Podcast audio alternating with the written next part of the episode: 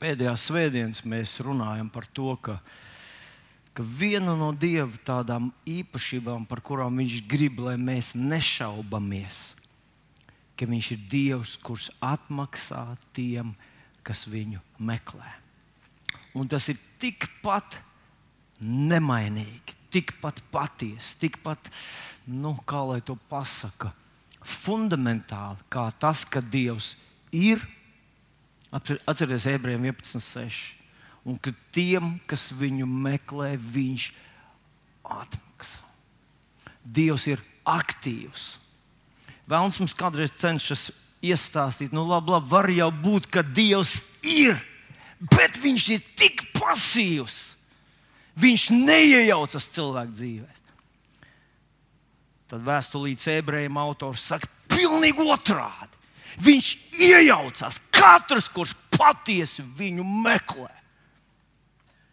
Varbūt mēs to tā nevaram uzreiz saskatīt, varbūt nevaram uzreiz pārbaudīt, kā mēs gribētu. Mēs gribētu. Atceros tāds stāsts, es nezinu, cik tas patiesi, cik nav bet uh, vienreiz savā dzīvē satiku vienu cilvēku, kurš ticēja, ka mežā ir meža vecītis. Un viņš lūdzās meža vecīti. Nu, es saku, kā tu vari noticēt kaut kādiem tādiem stulbumiem? Viņš jau redz, manā dzīvē bija tāds gadījums, kad es aizgāju pie meža un teicu, mīļo, meža vecīt, parādi man, ka tu esi, lai stirniņi iznāk, un stirniņi esat iznāk. Es teicu, tev vajadzēja lūgt mīļo meža vecīt, ja tu tur esi, lai mamuts iznāk, tad es zināšu, ka tu tur esi. Stirniņa kungs brauc garām mežam, un stirniņa būs 50 gadījumos no 50. Vai nu būs, vai nebūs. Vai ne? Bet stirniņa būs, jo viņi tur ir. Un cilvēks no tādas kaut kādas tādas savas ierobežotās, sīkās pieredzes izdara secinājumus par globālām mūžības lietām. Mēs bieži vien nevaram Dievu tādā veidā pie, pārbaudīt. Kāds vīrs stāstīja, ka viņš, viņam dienesta biedrs bija ateists. Pilnīgs tāds karavīgs, ļauns, aizvainots ateists. Parasti ir cilvēki, kas bērnībā kaut kur ir saskārušies ar ticīgiem un paņēmuši savā sirdī milzīgu dusmu, ļaunumu un vilšanos. Savā laikā, kad es mācījos ar, ar, ar, mm, teoloģijas fakultātē viens no maniem studiju biedriem bija puisis, kuru es atceros, kad mēs kopā bijām baznīcā. Es kļuvu par pārliecinātu, Dievu mīlošu, ticīgo. Viņš kļuva par cilvēku, kurā bija tāds pilnīgi tāds, ziniet, tāds ienaids. Un kad vien viņš dzirdēja par ticību, par Dievu, par Dievu mīlestību, viņam kaut kas iekšā sāka vibrēt. Viņš bija ieļaunojies, sadusmojies, aizvainojies, sarūktinājies pret Dievu un visiem ticīgajiem. Un ar to es gribu teikt, ka cilvēks pats pieņem lēmumu.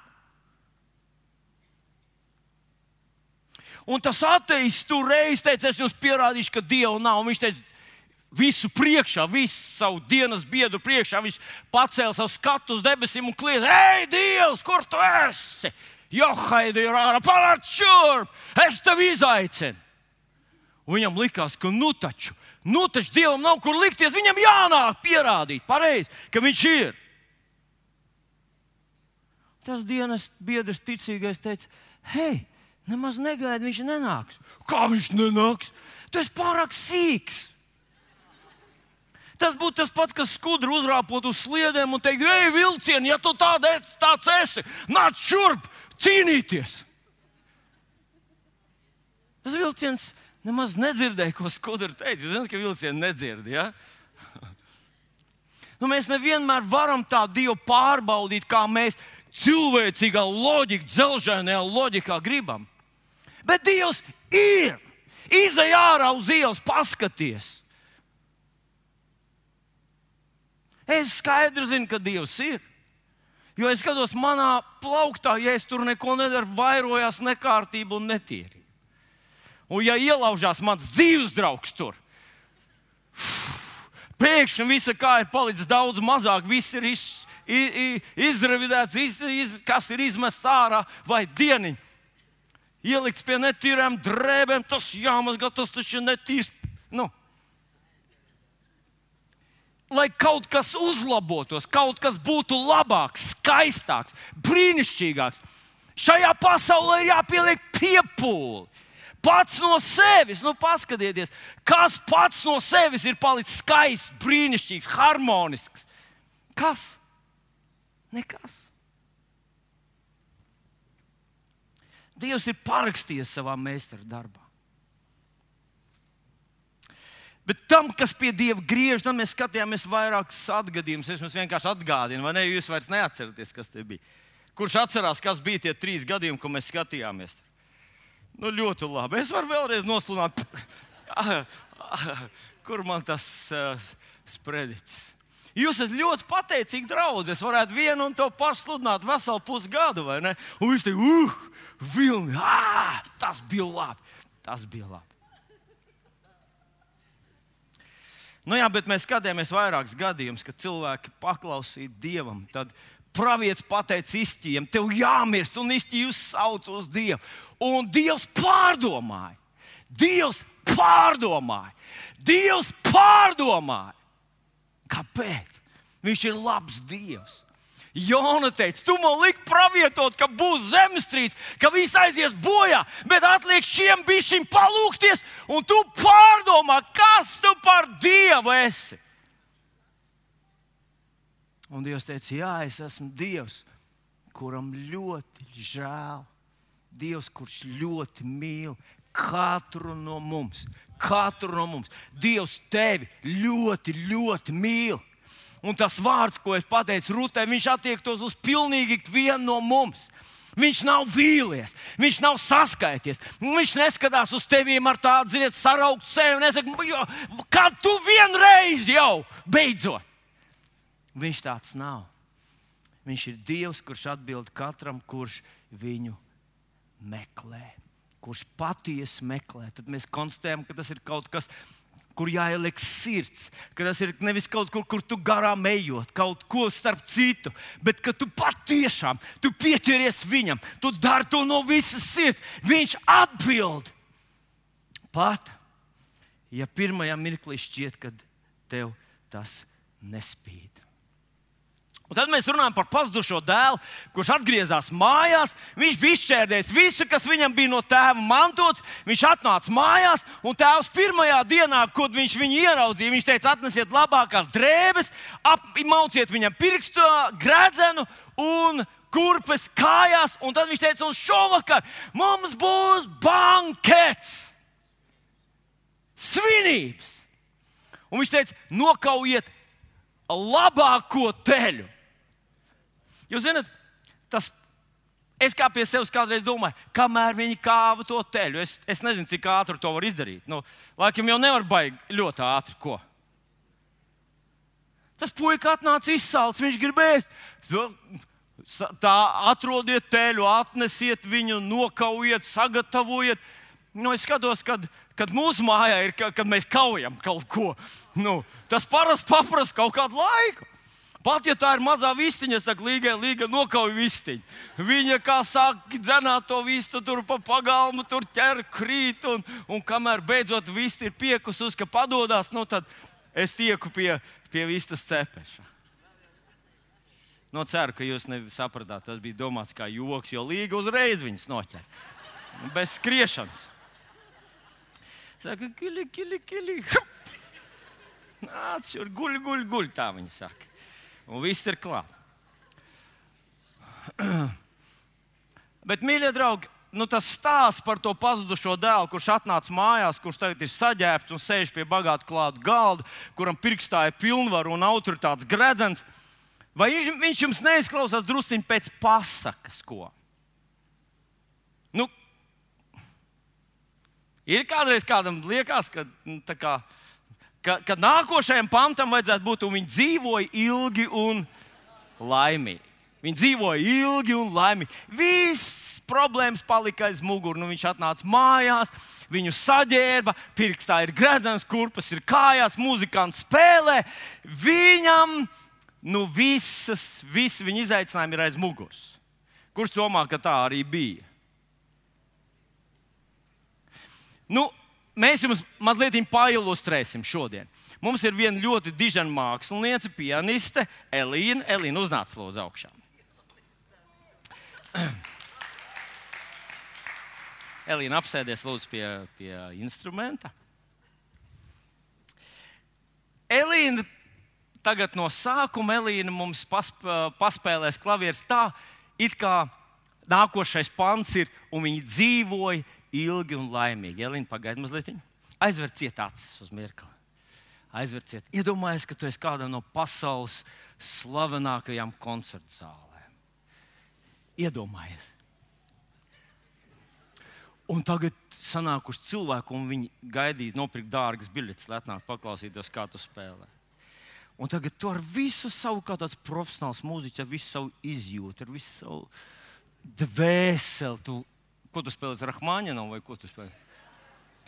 Nu, nospēlē mums, lūdzu, klausamies.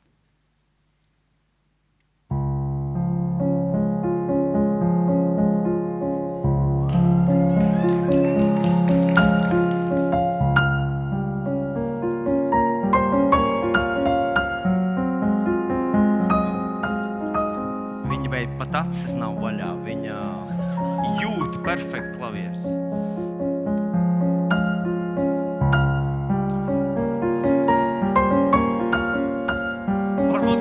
Man nesludināt, lai viņi paspēlē vienkārši.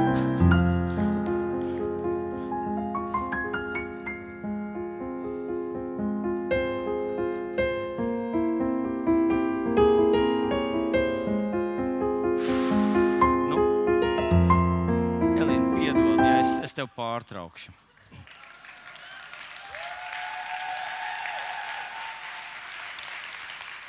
Paklausieties, draugi! Ziniet, kā mums var likties, ka tas tas pazudušais dēls atnācis mājā, viņš ir tādā apģērbts, gredzens ir pirkstā, un viss, ko viņš darītu, tas viss ir pareizi. Nu, kā, kā mums dzied viens no, viens no mūsu Latvijas tādiem uh, korifejiem, kam jānotiek, tas notiksies. Jā. Un, ja tā notika, tam tā bija jānotiek. Dievam bija kāds plāns tajā visā. Bet es jums teikšu, ka otrā versija ir daudz precīzāka. Tagad paskatīsimies, kā tas bija realitātē. Elīna, iedomājies vēlreiz, tu esi tajā, viss ir sanākuši, tagad viss klauds ir saklāts, tu esi apģērbta, gradzens ir pirkstā. Nu, nospēlē lūdzu mums to ko tu gribi.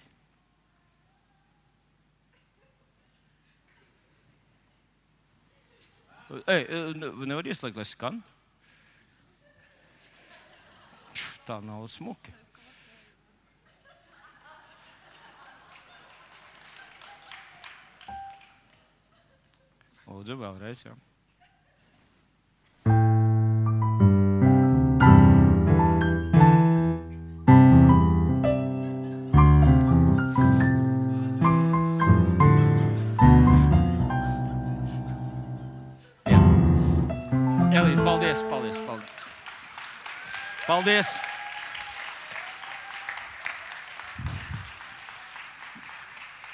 Lūdzu!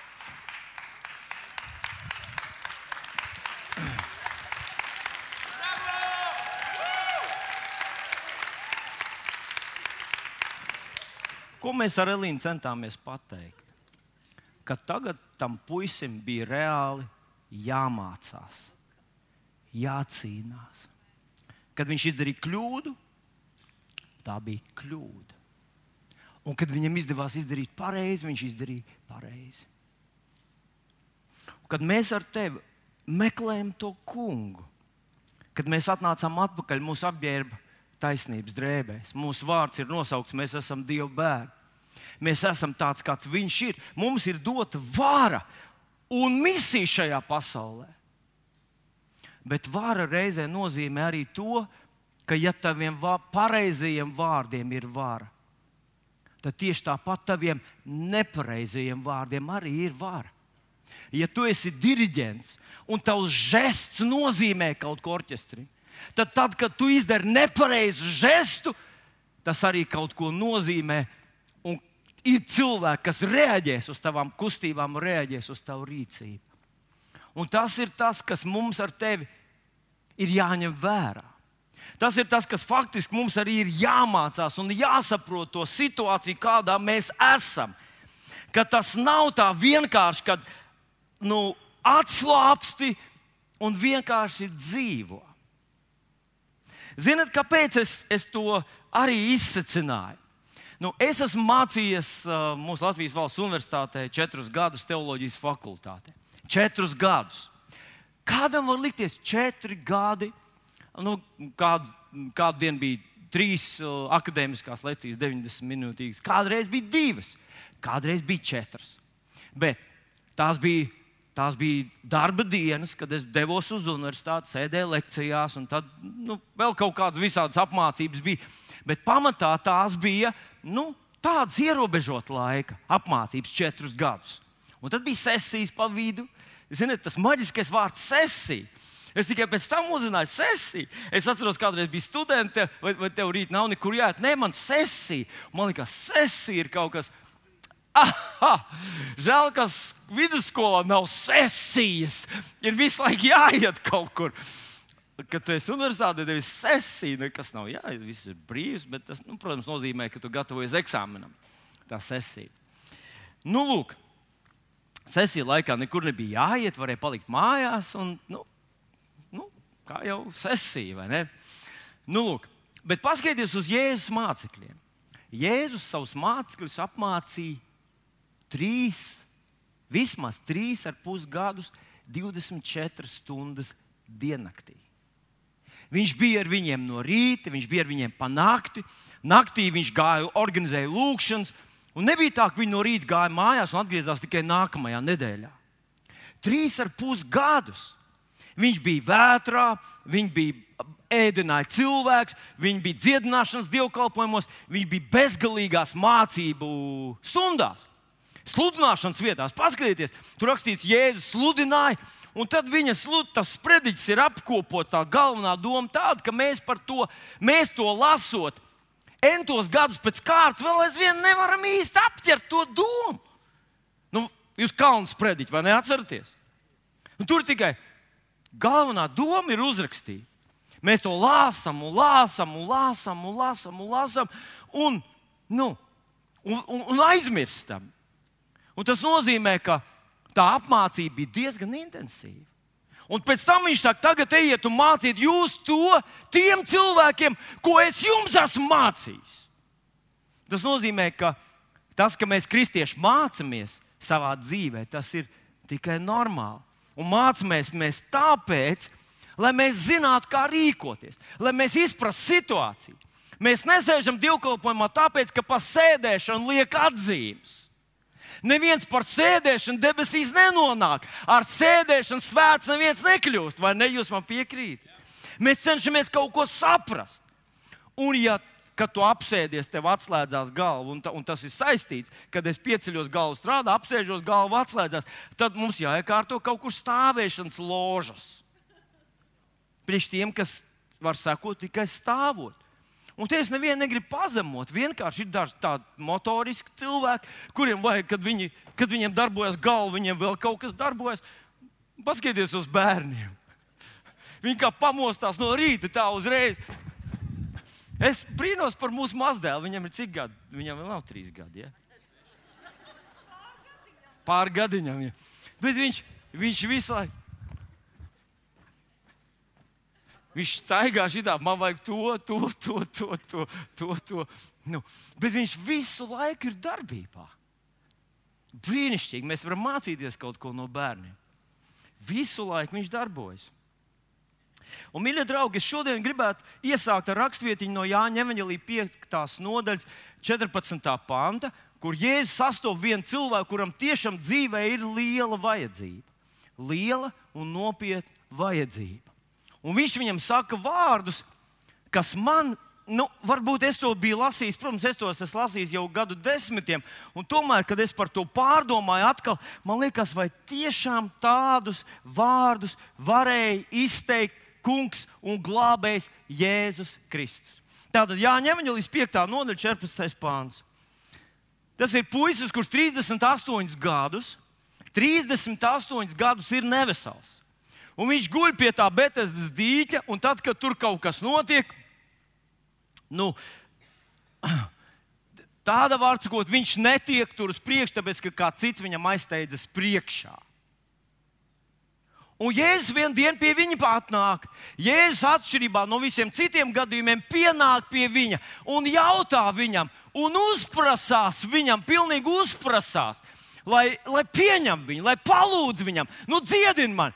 Un tas puisis to nedara. Mēs saprotam, ka acīm redzot, viņam nav nekādas lielas ticības. Un tad Jēzus viņu dziedina, saka viņam, ņem savu gultu un staigā tā diena, kā, protams, vienmēr izrādās sabats. Jēzus jau nevar tā vienkārši atnākt darbdienā, dziedināt klusiņām un teikt, zini, ko tu ej, bet to gultu es paņemšu. Viņš vienmēr tā kā uzliek tās grūtības tev.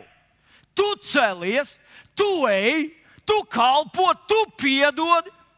Vai nebūtu jauki, ja Jēzus būtu teicis, katru reizi, kad jums būs kāds sarūknošs brīdis vai sarežģīta, emocionāli sarežģīta situācija, es atnākšu un paņemšu no jums prom dusmas, rūkumu, skaudību, bailes, neticību. Es visu nokārtošu. Just relax. Tas bija grieķu valodā, jā. vienkārši nomierinieties. Vienkārši ļaujies, vienkārši esi, esi tas, kas tu esi. Es visu izdarīšu. Bet viņš to nedara. Viņš saka, tu celies, tu ej, tu dari, tu tici, tu saki, vai arī kaut ko nedari. Un šeit viņš saka tādus šos vārdus. Viņš saka, redzi, tu esi vesels kļuvis. Oho, kā, uh, aizlicām pa tālu. Tātad, ja es viņam saku, Jānis 5,14, viņš viņu sastīja drusku vēlāk un saka, redzi, tu esi vesels kļuvis, negrēko, lai tev nenotiek kas ļaunāks. Negrēko, lai tev nenotiek kas ļaunāks. Jūs atcerieties, vēlreiz atgādināšu, viņš bija 38 gadus, bija slims, smagi slims. Un tagad, es viņam saku, negrēko, lai tev nenotiek vēl sliktāk. Man tas atgādina policistu, tādu sliktu pērkamu policistu, kurš tev ir apstādinājis kaut kur, tu esi pārkāpis ātrumu, viņš attaisno tavus dokumentus, un tur ir iekšā, uh, uh, tur ir iekšā Tava atvainošanās 20 reizes, tava atvainošanās vēstulīt, un viņš apskatās to tavus dokumentus un saka, nu, skaties, bet ja tu vēl vienreiz ja vēl vienreiz es tevi noķeršu, tad, tad, tad vairs ar atvainošanos cauri netiks. Nu, es nekādā gadījumā ne, neiedrošinu un neveicinu o, kukuļu došanu policistam. Tas bija muļķīgs joks. Bet pieņemsim, viņš tev piedod. Un viņš tev saka, bet ja otrais tas tā būs, tad tu vairs cauri netiks. Tā, tas tā, tā kā būtu saprotams, ka policists tagad rīkojas nepareizi. Ja cilvēks, bet Jēzus to saka. Jēzus, kurš ir glābējs, Jēzus, kurš ir pestītājs, Jēzus, kurš ir atbilde, Dieva dota atbilde katram cilvēkam, arī tev un man. Viņš atnāk pie mums, viņš dziedina cilvēku no milzīgas problēmas, un tad saka šos vārdus: negrēko vairs, lai tev nepaliek vēl sliktāk, lai nenotiek vēl ļaunāk. Vēl, ļaun, vēl ļaunāk. Vai es vispār spēju negrēkot? Ja no tā cilvēka rīcības nekas nebūtu atkarīgs, tad Jēzus to neteiktu. Tad tas vienkārši būtu izskanējis tā kā tāds kaut kas tukšumā. Ko ar to Jēzus mums gribēja teikt? Ar to viņš mums gribēja teikt, ka no mūsu rīcības, no mūsu vārdiem, no mūsu attieksmēm, mūsu dzīvē daudz kas ir, ir var mainīties. Un šeit, protams, mēs zinām, ka Jēzus nav tas, kurš, kurš viņam piedraud. Tas nav Jēzus uh, misija, tas nav viņa uzdevums, tas nav viņa būtība. Jo viņš Jāņa evanģēlijā 10, 9, 10 saka, ka zaglis ir nācis, lai zaktu nokautu un nomaitātu. Kas ir zaglis? Vēlns! Es esmu nācis, lai tiem būtu dzīvība un dzīves pārpilnība. Un šajā vietā Jēzus dziedina šo cilvēku un saka viņam, ka paklausies, es neesmu vienīgā realitāte šajā pasaulē. Ir vēl zaglis un tas zaglis ir vēlns. Un kad tas zaglis vēlns atrod kādu cilvēku, kuram viņš tiek klāt, viņš var nozagt. Tavu dziedināšanu, viņš var nokaut tevi, viņš var tevi pazudināt. Nedod viņam iespēju. To es redzu no Romas vēstulītes 6. nodaļas 16. pānta. Lūdzu, paskatieties, Romas 6, 16 līdz ar mani. Un paskatieties, kas tur ir rakstīts. Vai nezināt, tātad mēs to zinām, ka tam, kam jūs sevi nododat par paklausīgiem kalpiem, jums arī kā kalpiem jāklaus. Vai nu grēkam uz nāvi, vai paklausībai dievam uz taisnību. Ar šiem vārdiem Jēzus mums cenšas sacīt, ka mums ir rīcība, ar kuru mēs padodamies Dievam. Kad mēs padodamies Dievam, mēs paklausām Dievam uz taisnību, uz svētību, uz dzīvību, uz harmoniju, uz mieru. Bet ir vārdi, un rīcība un attieksmes, ar kurām mēs padodamies grēkam. Un, kad mēs padodamies grēkam, mēs atveram durvis savā dzīvē uz ienaidnieku. Uh, lai ienaidnieks, zāglis var atnākt, nokaut, apzakt un nodarīt mums zakt, nokaut un nomaitāt. Tas ir tas, ko viņš mums te saka. Un faktiski tas ir tas, ko viņš sacīja šim te, uh, slimajam pie Betesdas dīķa. Paklausies, šobrīd tu esi atvēris mazliet durvis, un es varēju tevi dziedināt. Bet neatver durvis zaglim, lai zaglis tev nenozog to, ko šodien tu esi šo lielo un dārgo dāvanu, kur tu esi šodien šeit ieguvis. Gribu parādīt jums, vai atgādināt rakstvietiņu no otrās laiku grāmatas 35. nodaļā. E, ir paralēls rakstvietiņas, kas runā par ķēniņu Josiju. Otrā laika 35 un otrā ķēniņa grāmata 23. nodaļa. Tātad abas, abas šīs vēsturiskās grāmatas runā par kādu vīru, kur vārds ir Josija. Josija nāk pie, nāk pie varas pēc uh, bezdievīga ķēniņa. Un kad viņš vienā dienā aizsūta savus kalpus uz templi, tad templī viņi atrod praviešu uzrakstītos pravietojumu, kurā starp citu, Dievs saka tā, ka tāpēc, ka tas iepriekšējais ķēniņš, tas, ja nemaldos, bija Manase, tāpēc, ka viņš ir grēkojis, viņš ir izaicinājis Dievu, viņš ir pēc bauslības rīkojies, lai sanaidotu, lai, lai aizvainotu, lai sarūktinātu, pārkāpis visus Dieva baušļus. Tad tāpēc uh, nāks sekas tam visam, un tad viņš apraksta ļoti smagus, uh, smagus draudus, kas, uh, kas valstī notiks. Tāpēc, ka uh, iepriekšējais ir, ir darījis grēku. Nu, un Josijas sirds ļoti izkūst Dievu priekšā. Viņš uh, pazemojās Dievu priekšā, viņš uh, gavē, viņš raud, viņš lūdz, un viņš sūta šos savus kalpus pie pravieša. Un tad, kad viņi aiziet pie pravieša, tad pravietis viņam saka, tāpēc, ka tu esi tik ļoti pazemojies Dievu priekšā. Tāpēc, ka tu esi meklējis viņu no visas savas sirds. Šie briesmīgie pasludinājumi nenotiks tavā laikā. Nenotiks tavā laikā, bet viņi notiks kaut kad vēlāk. Un Josija ar šo savu pozitīvo ziņu Viņš no visas sirds cenšas sakārtot savu valsti. Viņš iznīcina visas elku pielūgšanas, iznīcina visas tās aštartes un tēlus un tās visus tos elku dievus. Viņš sakārto templi, viņš atkal sasauc visu tautu kopā. Un otrā laika grāmatā, 35. nodaļā, mēs lasām, ka viņš atjauno un svin pasā. Un šeit pravietis raksta, vai vēsturis, vēsturnieks raksta, ka tādi pasā svētki 18. pāns, 2. laika, 3, 5, 18. Nebija svinēta kopš pravieša Samuēla. Tik nodevuši ar tādu svinīgu uh, ķēniņu iesaist, ar tādu mīlestību, ar tādu dedzību šie te, tā kunga iedibinātie pasaules svētki, kurus mēs šodien pazīstam kā lieldienas, nav svinēti kopš Samuēla laikiem. Tas nozīmē, ka Zalamana laikos, pat Dāvida laikos, uh, visu to dievbijīgo ķēniņu laikos viņi netika svinēti. Šis vīrs tiek izcelts kā īpaši dievbijīgs, īpaši svētīts, īpaši dievam patīkams cilvēks.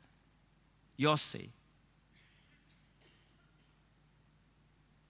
Un Josija acīm redzot to samanu, ka Dievs sūtīja pravietisku vārdu viņam, ka viņš visu izdarīs pareizi ka Dievs ir ar viņu, par viņu. Viņš ir tas pazudušais dēls, kurš ir atnācis mājā, ir apģērbts jaunās drēbēs, viņam ir tas gredzens pirksā, viņam ir tas kurpes kājā. Viņš ir tagad ķēniņa dēls. Un vai jūs esat ievērojuši, kā viņš beidz savu dzīvi? Tieši savas dievbijības apgājā, pašā, pašā, pašā, nu, pašā visā tā sajūsmas vilnī. Vienkārši nāk faro, Eģiptes faraons Neho Un viņš iziet viņam pretī, un Fārons Neho viņu nogalina. Ar to viss stāsts par Josiju beidzas. Ķēniņa grāmatā, otrā ķēniņa grāmatā, 23. nodaļā. Mums varētu likties, paga, paga. Es esmu lasījis par bezdieviem, kas grūtību priekšā sauc uz Dievu, meklē Dievu, un Dievs viņiem dod atbildi, viņi uzvar, neuzvaram karaspēku. Kas ar šo dievbijīgo ķēniņu? Kāpēc tā? Pēkšņi viņa dievbijīgā dzīve aprāvās tā, tiņ, un viss. Vai tad, tur ir kaut, kaut kāda loģika, tai, kā tā var būt? Bet, ja mēs lasām otro laiku grāmatu, aprakstam šos, aplas, lasām šos notikumus, tad mēs saprotam, kā tas viss attīstījās. Ka šis faraons ķēniņš Neho negāja, lai karot ar Josiju. Viņš vienkārši gāja garām. Viņš vienkārši devās savā gaitā, jo viņš faraons karoja ar kādu citu ķēniņu. Un Josija vienkārši tajā savā, ziniet, tajā savā, nu, kā, kā tos ekstāzē, tajā savā, ka viņš var darīt, kā viņš grib, jo viņš taču ir, viņš taču ir, uh, nu, dievam patīkamais čalis. Taču visu dara pareizi. Viņš taču tādu svētku, kā nosvinēt šobrīd, neviens ķēniņš nav svinējis. Un, kad Neho iet garām, viņš vienkārši iziet viņam priekšā un saka, tā, tev būs ar mani jākaujas. Un interesanti, tur aprakstīts, ka tas Neho viņam saka, es ne pie tevis nāku. Es vienkārši esmu garām gājējis. Es eju prom, man ir karš ar citu ķēniņu. Nē, nevajag. Nu. Un, un tas Neho saka, ka Dievs mani sūtīja, lai es pasteidzos, lai es izcīnītu tos savus karus. Dievs varēja uzrunāt arī bezdīvīgus ķēniņus dažādos veidos. Un viņš saka, Josim, ej prom, es, man negribas, priekš kam mums abiem nepatikšanas. Bet Josi ir tajā, ziniet, tajā, nu, tajā, kā Pēters, tu esi Dieva Kristus. Un tad nākšais, nē, nē, tā, tā gan ne. Tad paklausies tas, kuram ir viss atklāsme. Nē, nē, tev tā nenotiks. Un, ja es saku, atkāpies sātanā, Ko mēs no tā varam mācīties? Jā, un tad viņi karo un, un rakstīts, ka vienkārši nejauša loka, izšauta būtu trāpa ķēniņam, ievaino viņu nāvīgi, un viņš aiziet bojā. Ar to mums ir jāsaprot, ka mēs atrodamies kara laukā. Mēs ar jums neatrodamies mieru ostā. Mēs vēl neesam debesīs. Šeit visapkārt ap mums norisinās karš.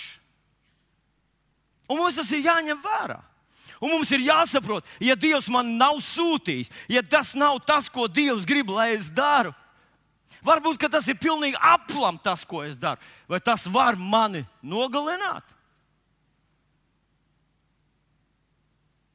Vai mans grēks, kuru es daru, var mani nogalināt? Un mēs gribētu sev teikt, nē, nē, nevar, nē, nē, nu, vēl, nu, nevajag jau pārspīlēt. Nu. Bet šajā konkrētajā gadījumā to vīru nopļauj kā niedri, un visu vēsturi turpinās bez viņa. Un šodien es gribu te teikt, mīļais draugs, ka, ja Dievs ir piešķīris mums ar tevi autoritāti un varu, tas nozīmē, mums jābūt ļoti nomodā ar to, kā mēs to lietojam. Vai mēs ar to padodamies Dievam uz svētību, vai mēs dodam iemeslu vēlnam, iespēju vēlnam, kurš ir ļoti meistarīgs, slepkavs, zaglis un melis, ienāk mūsu dzīvē un mūsu apzakt. Nu, paskatieties, 1. pētera vēstulīte, 5. nodaļa, 8. pāns. Mēs visi esam lasījuši šo raksturvietiņu, un viņa, es ceru, ka šodien arī uzrunāt tevi un mani, lai mūs tā kā druskuļi atskurbinātu un, un darītu mūs tādus. Uh, saprātīgus, gudrus Dieva bērnus. Tātad esiet skaidrā prātā. Esiet modrīgi, tas nozīmē, esiet nomodā. Tas nozīmē, kontrolēt situāciju. Tas nozīmē, vērojiet sevi. Tas nozīmē, rīkojieties pareizi. Jūsu pretinieks vēlams staigā apkārt kā lauva rūkdams un meklē, ko tas varētu aprīt. Es neticu, ka šeit ir uzrakstīts, pārspīlēti. Nu, vienkārši katram gadījumam tā sabaidīsim, lai, lai šie uzmanās. Vispār interesanti, padomājiet līdz ar maniem mīļie draugi. No vienas puses, Bībele saka, ka mēs esam cilvēki un ka mēs tiecamies uz pilnību. No vienas puses, Bībele saka, ka tas, kurš saka, kuram nav vairs grēka, tas melo. Nu, ka mums katram ir kaut kāds, kā Jānis saka, mēs visi krītam daudz. Un tomēr Bībelē ir atkal un atkal vieta pēc vietas, kurā ir rakstīts, negrēkojiet, negrēkojiet, nedariet to, nedariet šo, nesakojiet savai miesai. Jo kāpēc? Tāpēc, ka jūs pretinieks vēlams staigā apkārt, kā lauva rūkdams, un meklē, ko tas varētu aprīt. Tas nozīmē, ka ir cilvēki, kurus vēlams var aprīt. Vēlams var aprīt. Tas nozīmē, ka attiecīgā situācijā un attiecīgos apstākļos cilvēks var dot iespēju, var dot iemeslu, var dot pieejas kodus saviem slepenajiem, slepenajām bagātībām ienaidniekam, kurš saucās Vēlns. Un paskatieties, interesanti, ka te rakstīts, ka viņš meklē. Viņš nav noskatījis kādu. Viņš nav ievērojis. Ne, viņš nesako pat konkrēti kādam cilvēkam pa pēdām. Bet viņš vienkārši skatās, kurš ir tas, kurš uzķersies uz to. Tas kā makšķernieks ir iemetis savu, savu esmu ezerā un gaida. Viņš nav noskatījis konkrēto zivi ar konkrētu vārdu, bet viņš gaida, kurš uzķersies. Un tas, kurš uzķersies, tas dabūs pēc pilnas programmas. Vai vismaz vēlams centīsies viņam iedot pēc pilnas, pilnas, pilnas programmas. Viņš staigā apkārt. Un katru reizi, kad mēs darām grēku, mēs it kā uzzīmējam mērķi uz sevis. Un sakām, Valns, mēģini, mēģini, re, re, re, kur es, re, kur es mēģinu ar manīm.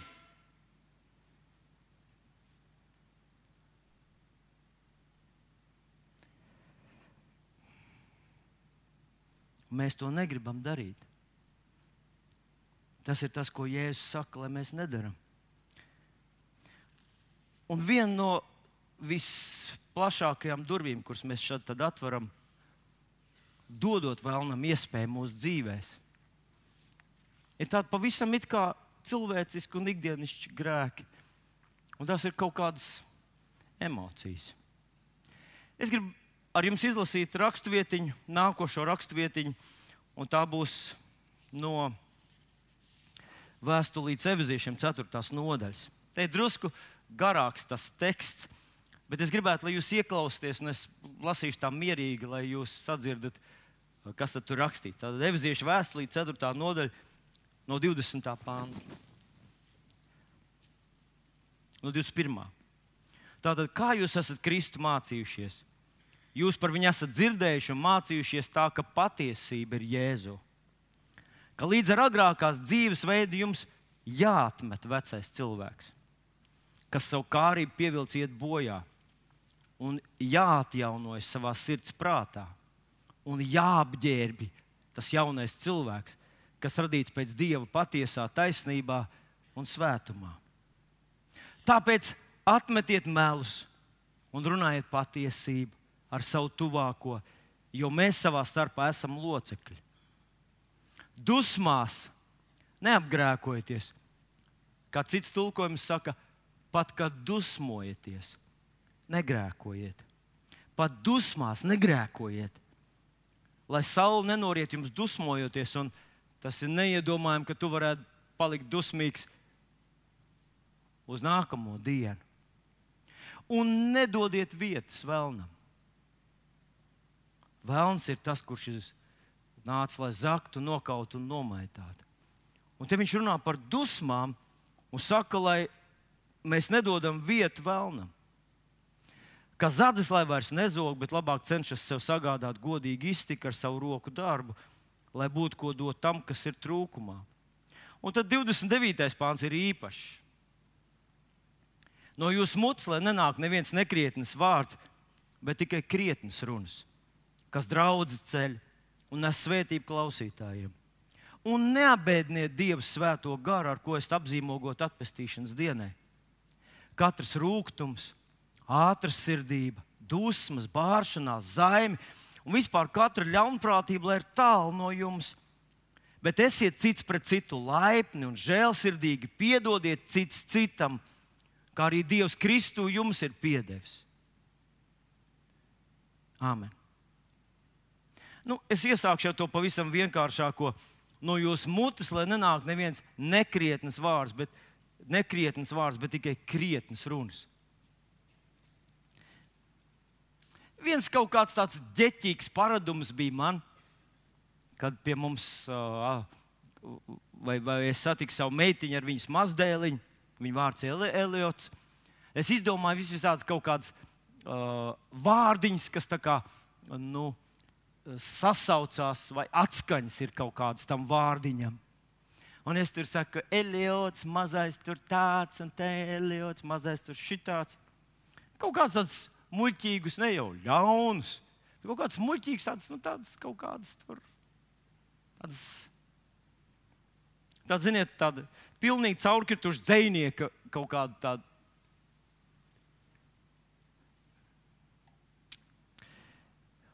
Un, kamēr es pats man tā likās, ka tas ir tik asprātīgi un tā jautri, bet vienā dienā man sieva dzirdēja to. Viņa saka, kas tas tāds? Jūs gribat pārbaudīt, vai Dievam tas ir patīkami, pajautājiet savai sievai. Kas tas ir? Tev ir tik stipri, spēcīgi vārdi. Kāpēc tu lieto kaut kādus tādus? Un es iedomājos, nu, kādreiz ir vienaidnieks arī kā pa jokam urķē tev, tev riepas ar, ar kaut kādu īlēm. Tev nenāk smiekli nemaz par to, vai ne? Tu urķē sev, kur tu gribi. Negrābsies gar manī. Kāpēc vajadzētu lietot vārdus, kuriem ir glupa, tukša, tuvredzīga, ģeķīga nozīme? Bībeli saka, savos vārdos, nu, tu esi noķerts ar, savu, ar saviem pašu vārdiem. Kam vajag tādus stulbus, tukšus jokus? Un kad es lasu šeit, lai nenāk neviens, ne... mīļie draugi, ja Bībeli mēs uzskatām par tādu utopisku grāmatu, kas nav rakstīta, lai mēs tiešām ar to rēķinātos un tai paklausītu, tad laikam mēs neesam kristieši. Bet, ja Bībele ir pareiza grāmata, ja tie ir tie jaunie noteikumi, kuram tam pazudušam dēlam, atnākot tēvam namā, nākās atkal mācīties, respektēt un pieņemt, tad viņam jāatmet tās vecās uh, paradigmas, kurš pie cūku silas labi iedarējās. Šeit viņš ir savādāks. Pasak labu kaut ko! Kas ceļ? Tam puisim viss dzīve ir priekšā. Atrais nevis dod ienaidniekam vietu, bet dod dievam vietu. Ja tu neko citu nevari teikt, Saki, svētīts tu esi. Di, svētīts tu esi, Elijot. Izdomā dzējoli no Jāņa 3.16 un Elijot ieliec tur iekšā. Bet kaut ko labu izdari. Nevis vienkārši tērēs savu radošo enerģiju un varu tukšās lietās. Bet tad paklausieties, rūkums, ātras sirdība, dusmas, bāršanās, zaimi, katra ļaunprātība ir tālu no jums. Ziniet, viena īpašība, kas mums visiem piemīt. Tā ir no Jēkab 3.16. Ir Jānis 3.16 un ir Jēkab 3.16. Un Jēkab 3.16 saka tā, jo kur ir skaudība un ķilda, tur ir sajukums un visas ļaunas lietas. Lai tas ir tālu no jums. Es sapratu, ka es esmu ļoti skaudīgs cilvēks. Ļoti skaudīgs cilvēks. Kad es braucu ar mašīnu, un kāds grib man priekšā iesprāgties. Tā ir mana skaudība, kas neļauj tam cilvēkam iebraukt man priekšā. Es tur attālumu desmit centimetru no iepriekšējā braucēja. Riskēt uz visas manas moņas ir. Nē, tu neiesprāgsies. Un es padomāju, ak, Dievs, kāds skaudīgs cilvēks es esmu. Un jā, es esmu viens pats mašīnā. Un jā, neviens nedzird, ko es saku, nejūt manas emocijas. Un liktos, ka tas taču neko nenozīmē. Bet Jānis saka, ka visur, kur ir skaudība un ķilda, tur ir juceklis un visādi nelietība, jebkurš ļauns darbs. Tas nozīmē, ka tā vietā, lai es padotos Dievam, lai es padotos Viņam, lai es runātu, vairot savā dzīvē svētību, lai es vairotu atdošanu, harmoniju, mieru un mīlestību.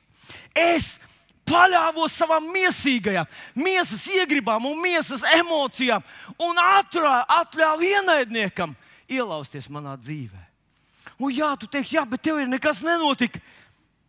Ziniet, ko iespējams, ka kādreiz tieši ar to, ka nekas nenotiek, mēs pierodam, iedrošinamies, un mēs tos vārdus atveram vēl un atveram vēl, līdz nāk tāds blieziens. Ka mēs sakām, bet kā, bet kur tad? Kā tad Dievs? Jā? Kas tad, kas tad, kur, kāpēc? Mūsu emocijas. Es vienā dienā saņēmu atklāsmi, tas bija kāds ilgāks laiks atpakaļ ka emocijas ir kaut kas reāls un tās var nodarīt tev pašam ļoti liels sāpes. Es izstāstīšu jums to gadījumu, vai es drīkstu. Mēs bijām kāda grupiņa cilvēku, bijām devušies ceļojumā. Mēs bijām, braucām Amerikā, mēs satikāmies. Tas bija tāds brīnišķīgs brauciens. Satikāmies Amerikā un mēs devāmies uz Meksiku. Meksikā, nu, kādam izskatīsies, ka tas bija vienkārši tāds pārdabīgs brīnums manā dzīvē, mūsu dzīvē. Tur bija plāns Meksikā druskuļi atpūsties un pasauļoties. Viens brālis to visu norganizēja, un mēs ar Līgu arī tur piedalījāmies.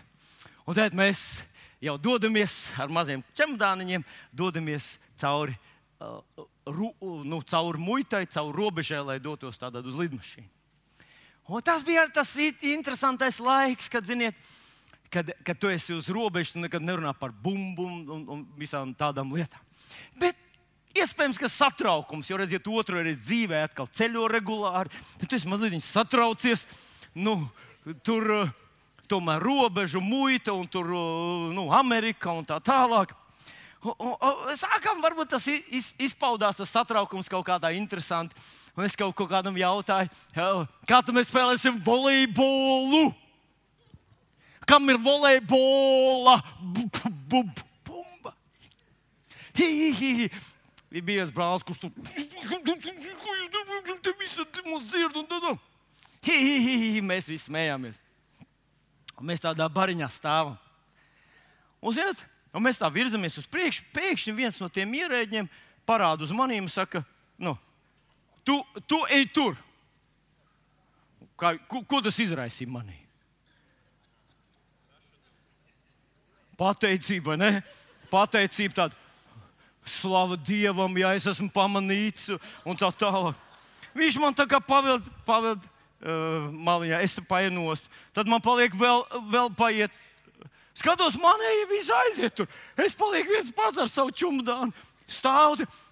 Un, un vienkārši uz maniem skatās. Tur stāv viens ierēdnis, uz maniem skatās, un es tur stāvu. Un es sāku visas tās starptautiski zināmās frāzes rādīt, kas, kas ir. Nu, kas nozīmē, priecājos jūs redzēt. Jā. Es, nu, Es pieklāju, komunicēju ar viņu. Viņš vienkārši stāv un skatās uz mani. Kad es jau biju jau tuvu, jau vārīšanās temperatūrai, no mīlestības un prieka. Un pa... Viņš man parāda, lai es nāku klāt. Nu, es atnāku. nu, jūs saprotat, es esmu zem svaidījuma, ja es viņam rādu visu, ko, ko, ko tu, tu gribi. Nu, viņš liek man, uh, iedot viņam koferi. Nu, labi, es stāvu tur, tālu skatos, pulkstenī, visu laiku mīņājos. Nu, rādu, ka es ļoti novērtēju viņa darbu. Ja? Lai cilvēks var mierīgi darīt savu darbu. Es viņam rādu, ka man ir jāiet, man ir lidmašīna, tu viņi bez maniem aizlidos tur un tā tālāk. Jā, jūs zināt. Nu, un vārds kaut, mīļie draugi, es tur stāvu un viņš izcidā, izcilā visas manas lietas. Jūs, un burtiski, man jau laikam garai nenāca no, no, no bet es biju ļoti tūtam. Es neteicu neko, es vienkārši izrādīju viņam emocijas. Un tad, kad viņš jau bija iz, iz, iz, izracies cauri pa vienam lupatiņam, visam manam lietām, ja viņš paprasīja, kas man ir kabatā. Kabatā man bija, protams, maciņš. Es viņam teicu, tu gribi. Viņš paņēma man maku. Tagad viņš skatās man maku, katru atvēra vaļā, katru papīrīti izcilā izskatīja. Vienīgi, vienīgi ziniet, zemes pievilkšanās spēks turēja mani, ka es neuzlidoju gaisā. Ja, es biju, es biju viss sašuts. Man taču uz pieres, jūs varat visgarīgi cilvēki redz rakstīts miera vēstnesis. Redzat? Miera vēstnesis. Kā varēja paņemt kādu no tiem citiem brāļiem, tie bija, nebija tik garīgi kā es. Un tagad, kad viņš izcilāja to tur, pēkšņi man atnāca dieva gudrības un atklāsmes gars. Un es sapratu, ka, ja es viņam izrādīšu vēl kaut kādas emocijas, es nonākšu rektālās izmeklēšanas kabīnē. Un, ja es tur vēl izrādīšu emocijas, tad uh, es varbūt vispār nekur neaizbraukšu. Es palikšu te. Tā kā man pēkšņi atnāca miers. Un es teicu, atvainojiet, kungs, es vienkārši, jūs jau darat tikai savu darbu. Ziniet, ko? Pēkšņi tas mans sašutums aizlidoja prom. Jo es sapratu, ka es riskēju ar ļoti lielām nepatikšanām. Es nomierinājos. Pēc brīža viņš man atļāva iet. Un viss. Paldies! Jā.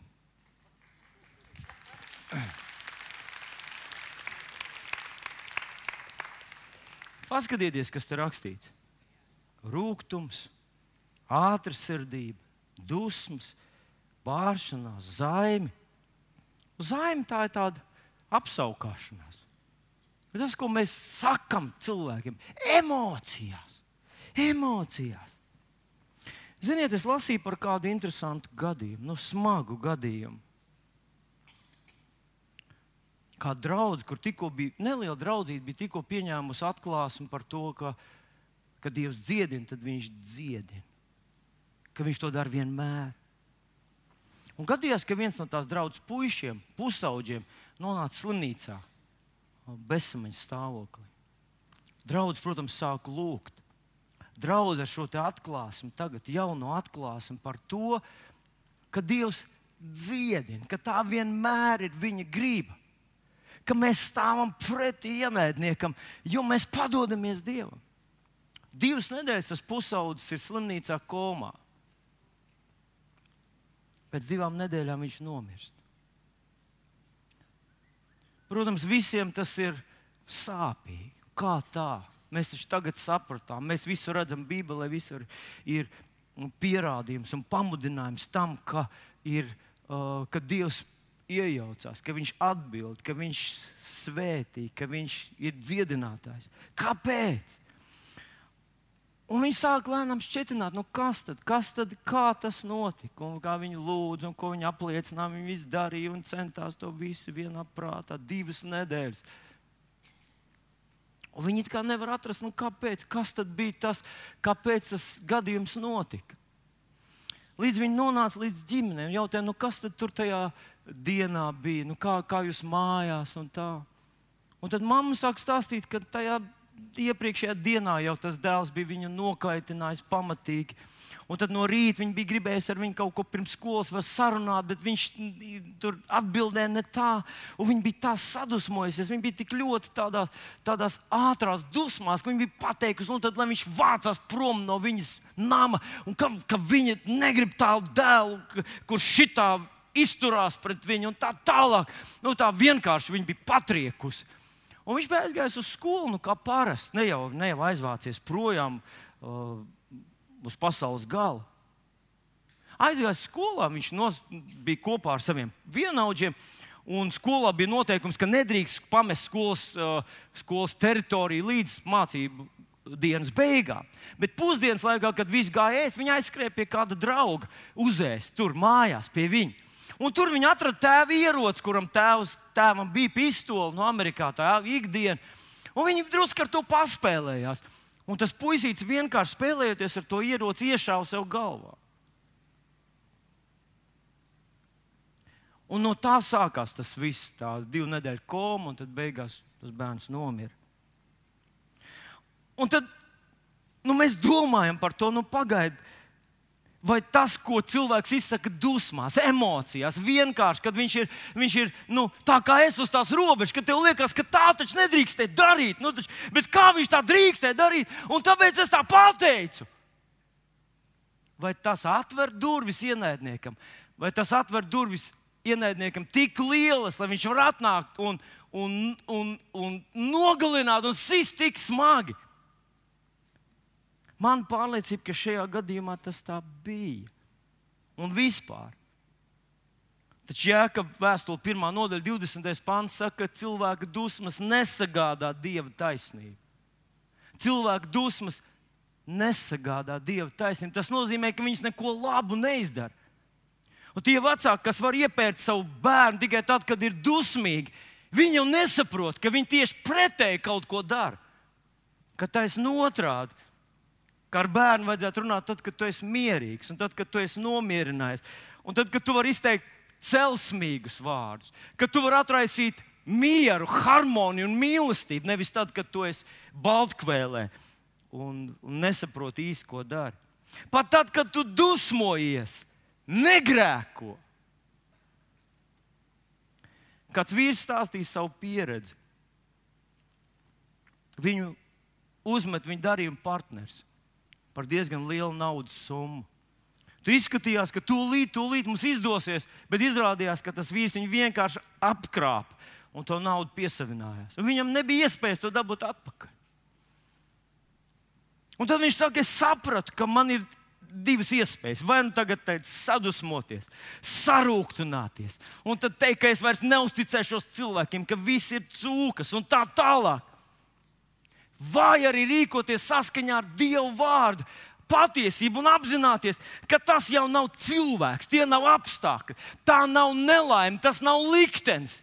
Bet tas ir ienaidnieks, ienaidnieks, kurš pielāgoja šo situāciju, lai es atvērtu savus durvis.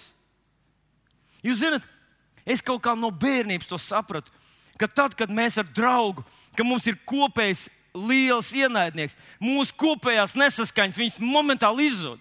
Mēs bijām labākie partneri. Un mēs neatļāvāmies vairs savā starpā nekādā veidā, nekādas pretrunas risināt, kad mums bija apdraudējums no ārpuses, kas bija daudz lielāks un smagāks. Un kad kristieši mēs saprotam, ka mēs jau neesam pārcelti debesīs, mēs vēl aizvien esam pasaulē, pa kuru staigā viens traks suns un meklē katru, kuram viņš var tikt klāt, jo viņa nodoms ir nežēlīgs, zemisks un ļauns. Un kad mēs rīkojamies miesā, ka mēs atveram durvis, un ka viņš paņems vairāk nekā mēs gribējām dot, ka tas mums izmaksās vairāk nekā gribējām maksāt, un aizvedīs mūs tik tālu, kur mēs nekad nebūtu gribējuši iet. Tāpēc, ka tas ienaidnieks ir tas, par ko Jēzus saka tam puisim pie tā Betesdas dīķa mīļais draugs. Tu saproti, ka tagad, kad tu esi saņēmis šo gredzenu, tu saproti, ka tad, kad tu esi Dieva valstībā, tu esi vēlns ir tavs ienaidnieks nedod viņam vietu. Nedod viņam vietu, ne dusmās, ne ar vārdiem, ne ar bāršanos, ne ar apskaukšanos. Kad es sapratu uz robežas, ka mans miers sagādā man drošību, man bija viegli, man bija viegli to visu vienkārši pārtraukt un nolikt. Jo Dievs taču mums nav devis bailības garu, bet kādu garu? Spēka, mīlestības un savaldības. Tas tā, tā, tā kā pašdisciplīnas gars. Tas tā kā tāds nu, gars, ka tu saproti, tā, stop! Te ir robežas, ja? tik tālu es eju, bet es tuvāk kā desmit centimetru nebraucu pie tās iepriekšējās mašīnas. Nu, lai tur vai kāds, lai viņš spraucās iekšā, nekas. Es neļaušu tev uzvārīties, jo es nedošu iemeslu. Nāvīgam ienaidniekam, ļaunam ienaidniekam ielausties manā dzīvēm un mani sagandēt. Tas nozīmē, mīļie draugi, ka katrs cilvēks, kurš dzīvo grēkā, varbūt to viņš var noslēpt no ārpuses, no cil cilvēkiem. Viņš var nosvērt, noslēpt to no apkārtējiem. Viņš var savā prātā iz, izveidot tādu pilnīgi tā tādu mm, attaisnošanas teoriju. Kāpēc viņš var darīt tā, kā viņš var darīt? Bija kāds viens pāris, jauns puisis un meitene, kas parādījās mūsu draudzē. Un, un, un vienkārši nāk un, un iet, un viss ir kundi, no ārpuses. Viņi izskatās kā īsta ģimene. Bet tad kādreiz man sanāca parunāties ar viņiem, un es uzzināju, ka viņi vienkārši dzīvo kopā. Vienkārši nu tā, nu, dzīvo kopā. Es saku, nu, kāpēc jūs tā darat? Viņi saka, mēs esam redzējuši daudz pārus, kas ir apprecējušies tādā lielā, svinīgā uh, ceremonijā, un vēlāk viņi nevar sadzīvot, un beig, beigās izšķirās. Un mēs izlēmām, kā būtu, ja mēs tā vienkārši padzīvotu kopā. Un mēs paskatītos, vai tas darbojas, vai, vai, vai mums sanāks, vai ir jēga precēties, vai nav jēga to darīt. Un, ziniet, no no malas izskatītos, ka tas ir tāds loģisks un racionāls risinājums. Bet, ja tu paskaties no Dieva vārda gaismas, ja tu paskaties no Dieva puses, tas nozīmē, ka tādā veidā šie cilvēki vienkārši dod iespēju vēlnam. Varbūt tas nenotiek uzreiz. Varbūt tas nenotiek nav tā, ka uzreiz tu izbāz galvu pa logu un otrā dienā tev ir gripa. Nu, tas kaut kā parasti mums piezogās tad, kad mēs to nepamanām. Un es gribu teikt, ka vēlams nevienu tādu situāciju nepalaiž garām. Nevienu situāciju, kad mēs tā, nu, varbūt attaisnojam, varbūt mēs tā pilnīgi ar kaut kādu loģisku pamatojumu pretojamies Dieva vārdam un nedaram tā, kā Viņš mums saka, tas nepaiet garām tāpat. Cilvēki dod iespēju vēlnam, dod vietu viņam, un vienā dienā viņi konstatēs, ka viņiem nav spēka stāvēt pretī. Jo atcerieties, Jākap 4, 7, 8 saka, padodieties Dievam un stāviet pretī vēlnam. Kristiešu dzīvē ir divas tādas intensīvas, aktīvas sfēras, kurā viņš darbojas. Viena, kad viņš padodas Dievam. Padodas Dievam. Pat tad, kad šķiet, ka tas ir grūti, ka tas varbūt nav ērti, viņš cenšas padoties Dievam, jo padodoties Dievam, mēs dodam varu par viņu, par mums, viņam, dot svētību, mieru, dziedināšanu. Tad, kad mēs padodamies grēkam, mēs to darām uz nāvi mēs aktīvi cenšamies padoties Dievam. Tie jaunieši to saprata. Viņi tūlīt to izmainīja savas attiecības, viņi izšķīrās, nedzīvoja kopā. Viņi lūdza, lai Dievs piedod, lai šīs durvis aizverās, un viņi sakārtoja savas attiecības. Bet vai varētu būt tā, ka šeit mūsu vidū ir kāds, kurš, piemēram, dzīvo ārlaulības sakaros? Varbūt viņš ir pametis savu ģimeni. Un viņš vēl aizvien nāk uz draugu. Viņš sēž šeit kopā ar mums. Viņš tāpat lasa Bībeli, viņš tāpat ceļ rokas un slavē Dievu. Bet viņš tai savā dzīvē ar kaut kādu varbūt loģisku pamatojumu, kāpēc viņš dara tā, kā dara. Vai varbūt tā, nu, ka viņš tā vienkārši dzīvo un ka viss viņam ir labi. Un šeit es gribu atgādināt jums rakstu vietiņu no vēstures korintiešiem, 1. korintiešiem, 5. nodaļā, kur rakstīts, jums, es jums rakstīju, nebiedroties ar tādu brāli, kas gan saucas par brāli, bet patiesībā ir netikls, vai mantraus, velk, pielūdzējs, vai zaimotājs, vai dzērājs, vai laupītājs. Ar tādu jums nebūs kopā pat nēst. Kāda man daļa tos tiesāt, kas ārā? Vai jums nav jātiesā tie, kas iekšā? Tos, kas ārā Dievs sodīs, izmetiet ārā ļauno no sava vidus. Un kādreiz kristieši ļoti pārprot šo raksturvietu. Viņa tā doma ir tāda, ka, acīm redzot, mums ir jāanalizē cilvēki, un mums viņi jāķer pie rokas un jāsaka, zini, ko mēs uzzinājām par tevi, ka tu dzīvo ārlaulības sakaros. Mums tevi ir jāizmet ārā no šejienes, jo tu esi tas ļaunais. Vai varbūt kāds ir mantrausīgs, vai varbūt kāds, nezinu, mm, ir netikls, dzērājs, Kāds varbūt paklusojis kaut kur aiz stūra, uzvelk dūmu un saka, nē, nē, nē, es to daru Dievam par godu un tā tālāk. Kas mums jādara? Mums tiešām ir cilvēki jāizsako, jāpārbauda, un tad jāmet viņu ārā. Un mēs atstāsim šeit vienu vienīgo svēto. Arne, ne jau māsa Lilita, bet Arne. Man pārliecība, ka šeit ir runa par kaut ko citu, jo citās raksturvietiņās ir teikts, tu, kas tiesā savu brāli, pielūko, ka pats nepakrīt. Mums nav jāizturās ar tiesājošu attieksmi pret kādu, kas mums šodien ir blakus, kurš varbūt ir paklupis, varbūt ne, uz mirkli ir pievilcis. Un zinat, ko interesanti? Ka Bībelē saka, ka vēlams ļoti agresīvi iedarbojas uz cilvēkiem. Kādā rakstvietiņā rakstīts, ka viņš mm, uh, apstulbojas viņu prātus, ka viņiem nespīd Kristus evaņģēlīga gaišums. Efeziešu vēstulē ir rakstīts, ka šīs pasaules dievs ir, uh, ir kļuvis viņiem par pavēlnieku, ka viņi dzīvo viņa varā. Viņš ir cilvēki, vispār nenojauš, ka viņi šobrīd ir pievilti, samilti, samānīti, un ka viņi nedara par to, ko viņi grib īstenībā, ka ir saistīti. Es ticu, ka šīs raksturvietas mums saka par to, ka mūsu attieksme būtu jābūt kā kāds, kuru mēs ļoti mīlam, bet viņš staigā pa ļoti plānu ledu, kurš kur katru mirkli var ielūst. Un mēs zinām, ka viņš ielūzīs, jo tik daudz jau ir ielūzuši, tik daudz jau ir noslīkuši. Un šis mums tuvais, mīļais cilvēks šobrīd spēlējās ar grēku. Mēs, tas, ko Bībelī mums saka, lai mēs neizturamies, it kā viņam viss ir ok. Lai mēs nesēžam ar viņu kopā pie galda, nerunājam par tukšām lietām, zinot, ka viņš katru dienu dod iemeslu, iespēju piekļuvi ienaidniekam, kurš tā vien meklē, kuru viņš varētu aprīt. Lai mēs viņam palīdzam atcerēties, ka tas ir riskanti. Tā nav Dieva grība.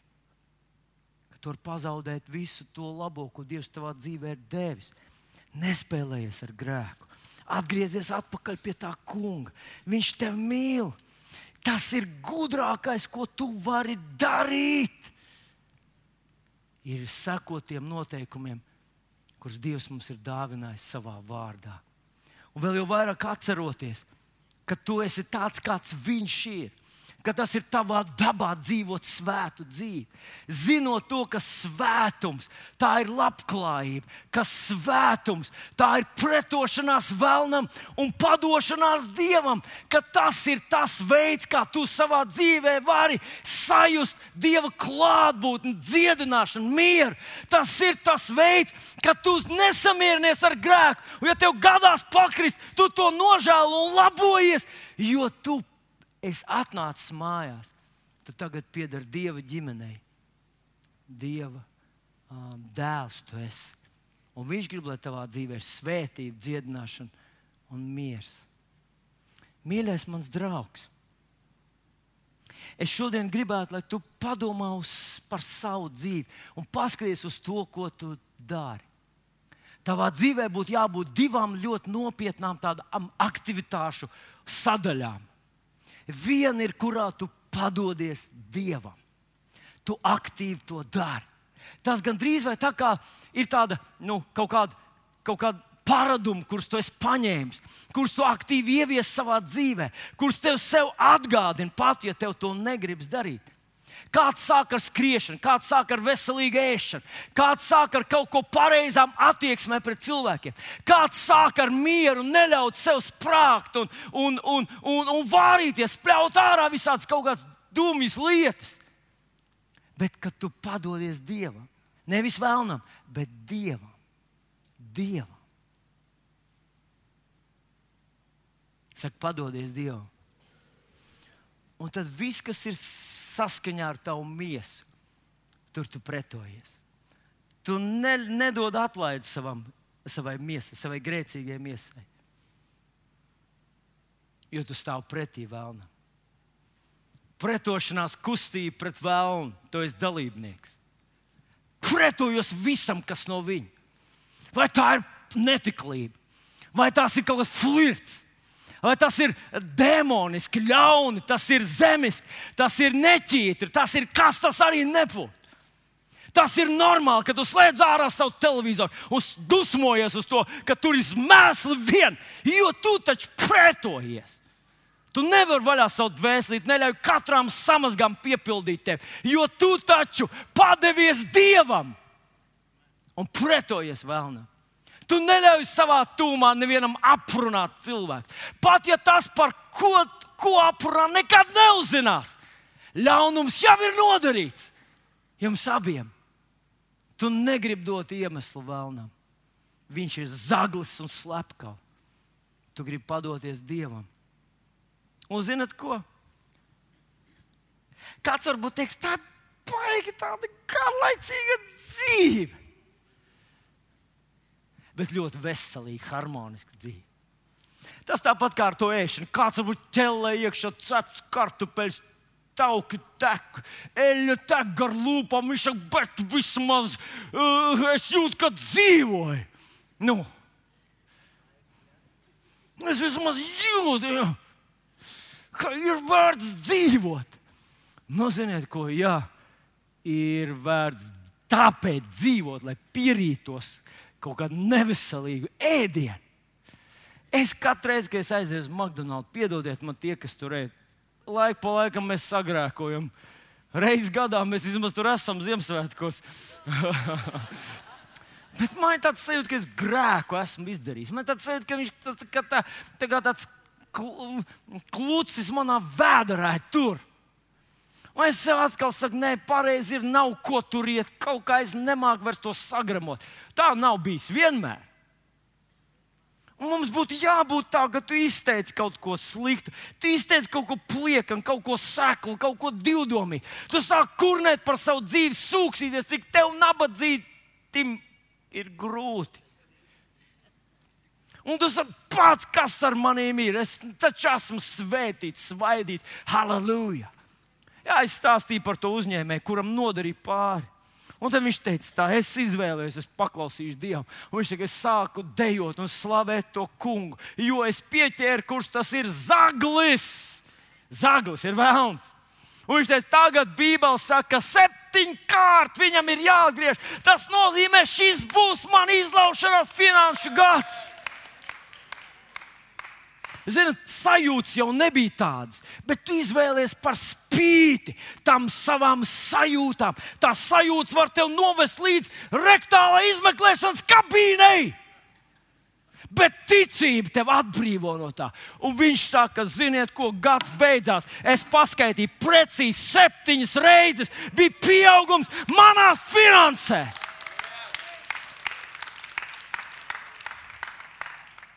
Tāpēc, ka ja mēs padodamies Dievam, ja mēs padodamies Dievam, ja mēs no visas sirds padodamies Dievam, meklējam viņu, Viņš atbild, lai kāda būtu tava situācija. Un tas ir tas, ko mēs gribam darīt. Jēzus vārdā. Viss draudz sacīja, Āmen. Piecelsimies kājās.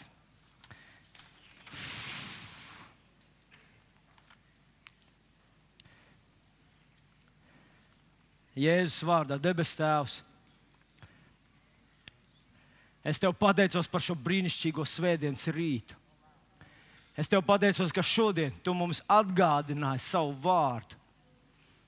Ka tu esi atnācis, lai būtu dzīvība un dzīves pārpilnība. Bet tu mums atgādināji, ka šajā pasaulē mums ir ienaidnieks, ka mēs atrodamies intensīvas, smagas kaujas vidū un nevaram izturēties um, bezatbildīgi. Mēs pateicamies Tev, Dievs, par Tavu mieru, par Tavu apsardzību, par dziedināšanu. Mēs pateicamies par Svēto garu kur tu esi mums devis arī par šo savaldības garu, kungs, ka mēs varam, spējam, saprotam, zinām un padodamies tev apzināti un pretojamies vēlnam, lai tur vai kas. Tēvs Jēzus vārdā es pateicos par savu draugu un cilvēkiem, kas ir kopā šeit ar mums. Mēs sakam, nē, grēkam Mēs sakām nē visām mīsīgām eh, emocijām, dusmām, visam tam, ko līdz šim esam vienkārši pacietuši un esam tolerējuši. Mēs sakām nē! Mēs pateicamies Tev, debes Tēvs, par tavu lielo žēlastību, kur tu esi mums piešķīris un dāvinājis. Jēzus vārdā. Aleluja! Pasaka līdzi ar maniem. Saka, debes Tēvs, es tev pateicos, ka es esmu dārgi atpirkts. Esmu Dieva bērns.